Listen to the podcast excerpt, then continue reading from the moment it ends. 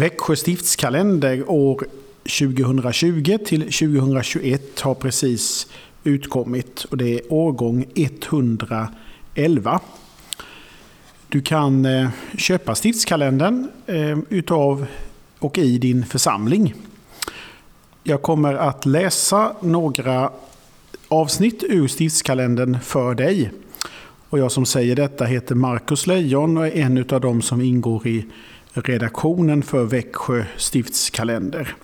Jag är också präst i Älmhult. I minnets skattkammare, prosten Jan-Olle Wikström, Växjö.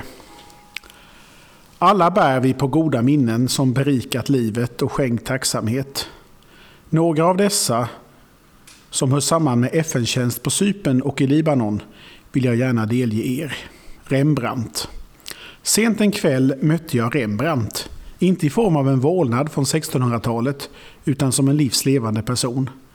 Jag befann mig på Sypen där jag tjänstgjorde som bataljonspastor vid FN-bataljon 87C hösten 1985 och våren 1986. Just utanför manskapsmässen på Camp Victoria kom Rembrandt gående. När han fick syn på mig ville han samtala. Du pastorn, sa han. Du döper väl folk? Ja, visst, svarade jag. Jo, det är så. Jag har lovat min mormor att döpas. Men det har aldrig blivit av. Kan pastorn hjälpa mig med detta? Ja, det kan jag, men inte ikväll, svarade jag. Vi kan väl mötas imorgon och samtala om saken. Så smög sig en tvivlande tanke in i pastorns huvud som sade Han kommer säkert inte. Men vad hände? Morgonen därpå kom Rembrandt tillsammans med fyra kamrater till mitt lilla kontor. Förvånad utbrast jag. Ska ni alla döpas? Nej, svarade de. Det är bara Rembrandt som ska döpas. Vi vill gärna bli konfirmerade. Det har aldrig blivit av. Kan pastorn ordna detta? Utom med jag glädje svarade jag naturligtvis. Men vi måste ha undervisning först. Självklart, men på fritiden svarade alla. Vem var då Rembrandt undrar ni? Jo, han var bataljonens målare och han bar smeknamnet Rembrandt efter den kände holländske konstnären som föddes år 1606 i Leiden och dog 1689 i Amsterdam. Rembrandts kamrater verkade som pionjärer, det vill säga de tillhörde underhållningsavdelningen vid bataljonen. En av dem var elektriker, en annan var snickare, en tredje murare, en fjärde chaufför. På nyårsdagen stundade, stundade inträffade Rembrandts dophögtid och på trettondagsafton skedde konfirmationen av hans kamrater i Camp Victoria-kyrkan på Sypen. Både bataljonschef, befäl och kamrater fanns med i kyrkan och det blev oförglömliga högtidsstunder för oss alla. På Nationalmuseum i Stockholm hänger några av Rembrandts verk, bland annat Simeon och Jesusbarnet. Andra kända verk finns på Riksmuseum i Amsterdam, alla värda miljontals kronor. Ändå är den dop och konfirmationstavla, den så kallade Rembrandt målade i Camp Victoria-kyrkan, så mycket värdefullare än alla den, den kände Hollandskonstnärens verk tillsammans. Konfirmation vid Camp Victoria-kyrkan och på bilden så står Rembrandt längst till vänster, dopskålen till höger en FN-hjälm Ringa jordens skatter väga mot det ena att få äga, klädd i dopets helga skrud. Nåd och barnaskap hos Gud. Historien slutade inte här. Ryktet om tilldragelsen på Camp Victoria spred sig. Ute längs buffertzonen som löpte tvärs över Sypen från väster till öster i jämnhöjd med Nicosia fanns observationsposter utplacerade. På varje observationspost tjänstgjorde sju soldater. Sedan kriget 1974 levde turkcyprioter norr om buffertzonen och grekcyprioter söder därom. Olika länders bataljoner övervakade zonen. I väster var det Danmark följt av England, Kanada och Sverige. I närheten av Nicosia samt längre österut mot Österrike. Den svenska FN-bataljonen var en skyttebataljon omkring 350 man fördelade på tre kompanier. Huvudbasen Camp Victoria fanns i söder. placerad mellan Larnaca stad och flygplatsen. Längs buffertzonen i närheten av Nicosia fanns första kompaniet, eller Goldfish Camp, och något öster därom andra kompaniet, eller Camp Polar. Både första och andra kompaniet hade underavdelningar, Camp Madeleine och Camp Carl Philip. Till min uppgift som pastor hörde bland annat att förmedla god litteratur från bataljonsbiblioteket till soldaterna vid gränsen och att därmed samtidigt besöka dem. Varje tisdag körde jag med Landroven längs den svenska bevakningslinjen. Ena veckan besökte jag första kompaniet, nästkommande vecka det andra. Naturligtvis var det inte enbart för böckerna jag kom. Det var också för att utbyta erfarenheter och för att vara behjälplig. Det är ju allom bekant att en människas tankar och problem växer med kvadraten på avståndet till hemorten. Då var det pastorns uppgift att som rådgivare och själavårdare finnas till hands. Vid en av observationsposterna under Goldfish Camp hände något märkligt vid ett av mina besök där. Två av vaktsoldaterna hade hört om konfirmationen på Camp Victoria och nu ställdes frågan om de kunde bli konfirmerade. Självklart och glädjefullt svarade jag ja till deras önskemål och efter undervisning var stunden inne på palmsöndagen 1986. Vi samlades till konfirmationsgudstjänst och mässa på Camp Madeleine i närvaro av soldaternas kamrater.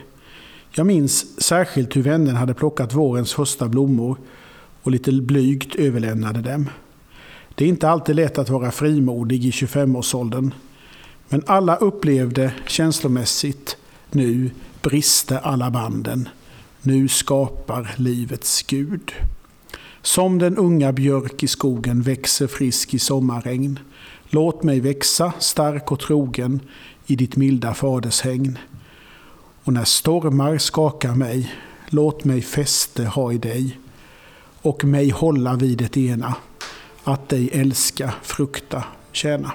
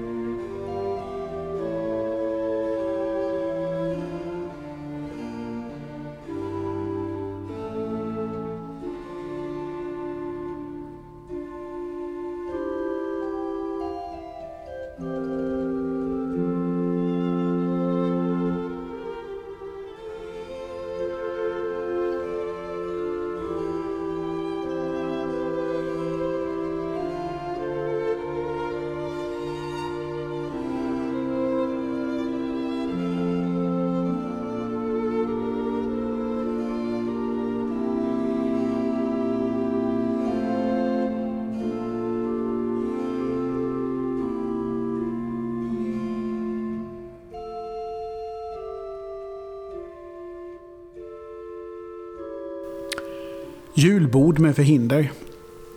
Julhelgen 1980 blev särskilt dramatisk och händelserikt för mitt vidkommande. Jag befann mig som sjukhuspräst på det svenska FN-sjukhuset i södra Libanon. Vi var stationerade vid den gamla libanesiska tullstationen Nokorra, några mil norr om den israeliska gränsstationen Rosh Hinakara, alldeles intill Medelhavet. I augusti 1980 hade verksamheten övertagits efter det att Norge avslutat sitt sjukhuskompani och valt att enbart ha kvar en bataljon och ett understödskompani. Vi var alltså det första svenska fältsjukhuskompaniet på plats och 150 svenskar, däribland läkare och sjukvårdspersonal, fick bygga upp allt från grunden. Uppgiften var att vara lokalbefolkningen och all FN-personal vid de olika FN-bataljonerna längs Israels gräns mot Libanon, behjälplig vid kris eller beskjutning. 6 300 soldater från tio olika länder ingick i FNs tillfälliga truppverksamhet i Libanon. Dessa kom från Sverige, Frankrike, Norge, Italien, Irland, Holland, Ghana, Nigeria, Senegal och Fidjiöarna. Det fanns ett högtalarsystem på Camp Silvia där personal meddelade när det var fara och färde eller när något behövde transporteras till sjukhus, sjukhuset. Medevac var lystringsordet som alla, som annars, alla kände till. Dessutom hade vi alla tilldelats skyddsrum och mitt fanns vid fasta radion. Platsen för kompaniets kommunikation med yttervärlden genom Radio Stockholm.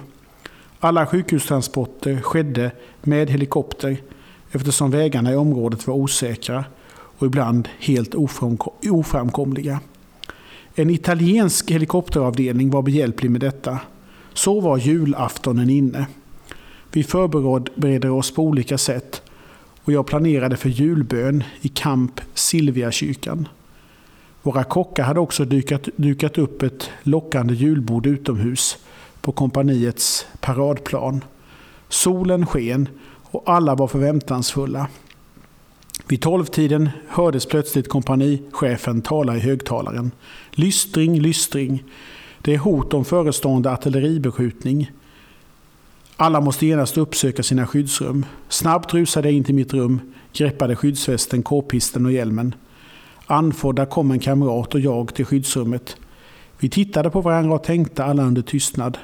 När kommer beskjutningen? Hur många blir skadade? Hur många kommer överleva?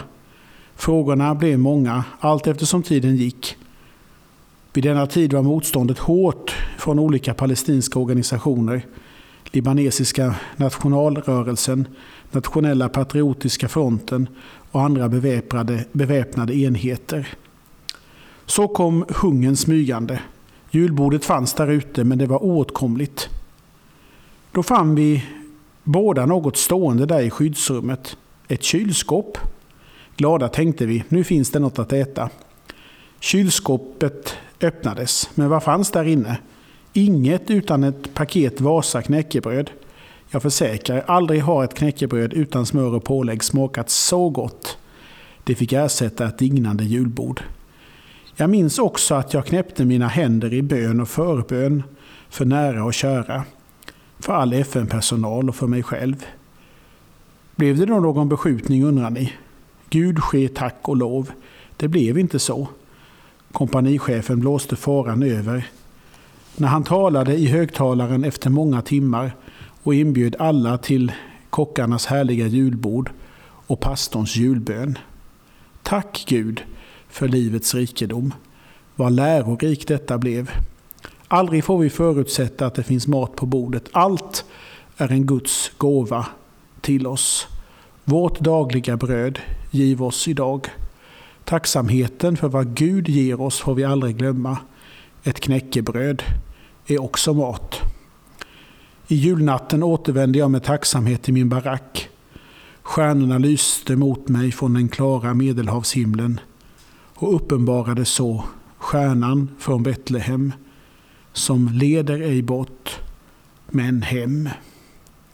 Du stjärna över Betlehem och låt ditt milda ljus få lysa in med hopp och frid i varje hem och hus. I varje hjärta armt och mörkt sänd du en stråle blid, en stråle av Guds kärleksljus i signad juletid. Jan-Olle Wikström, prost, före detta bataljonspastor.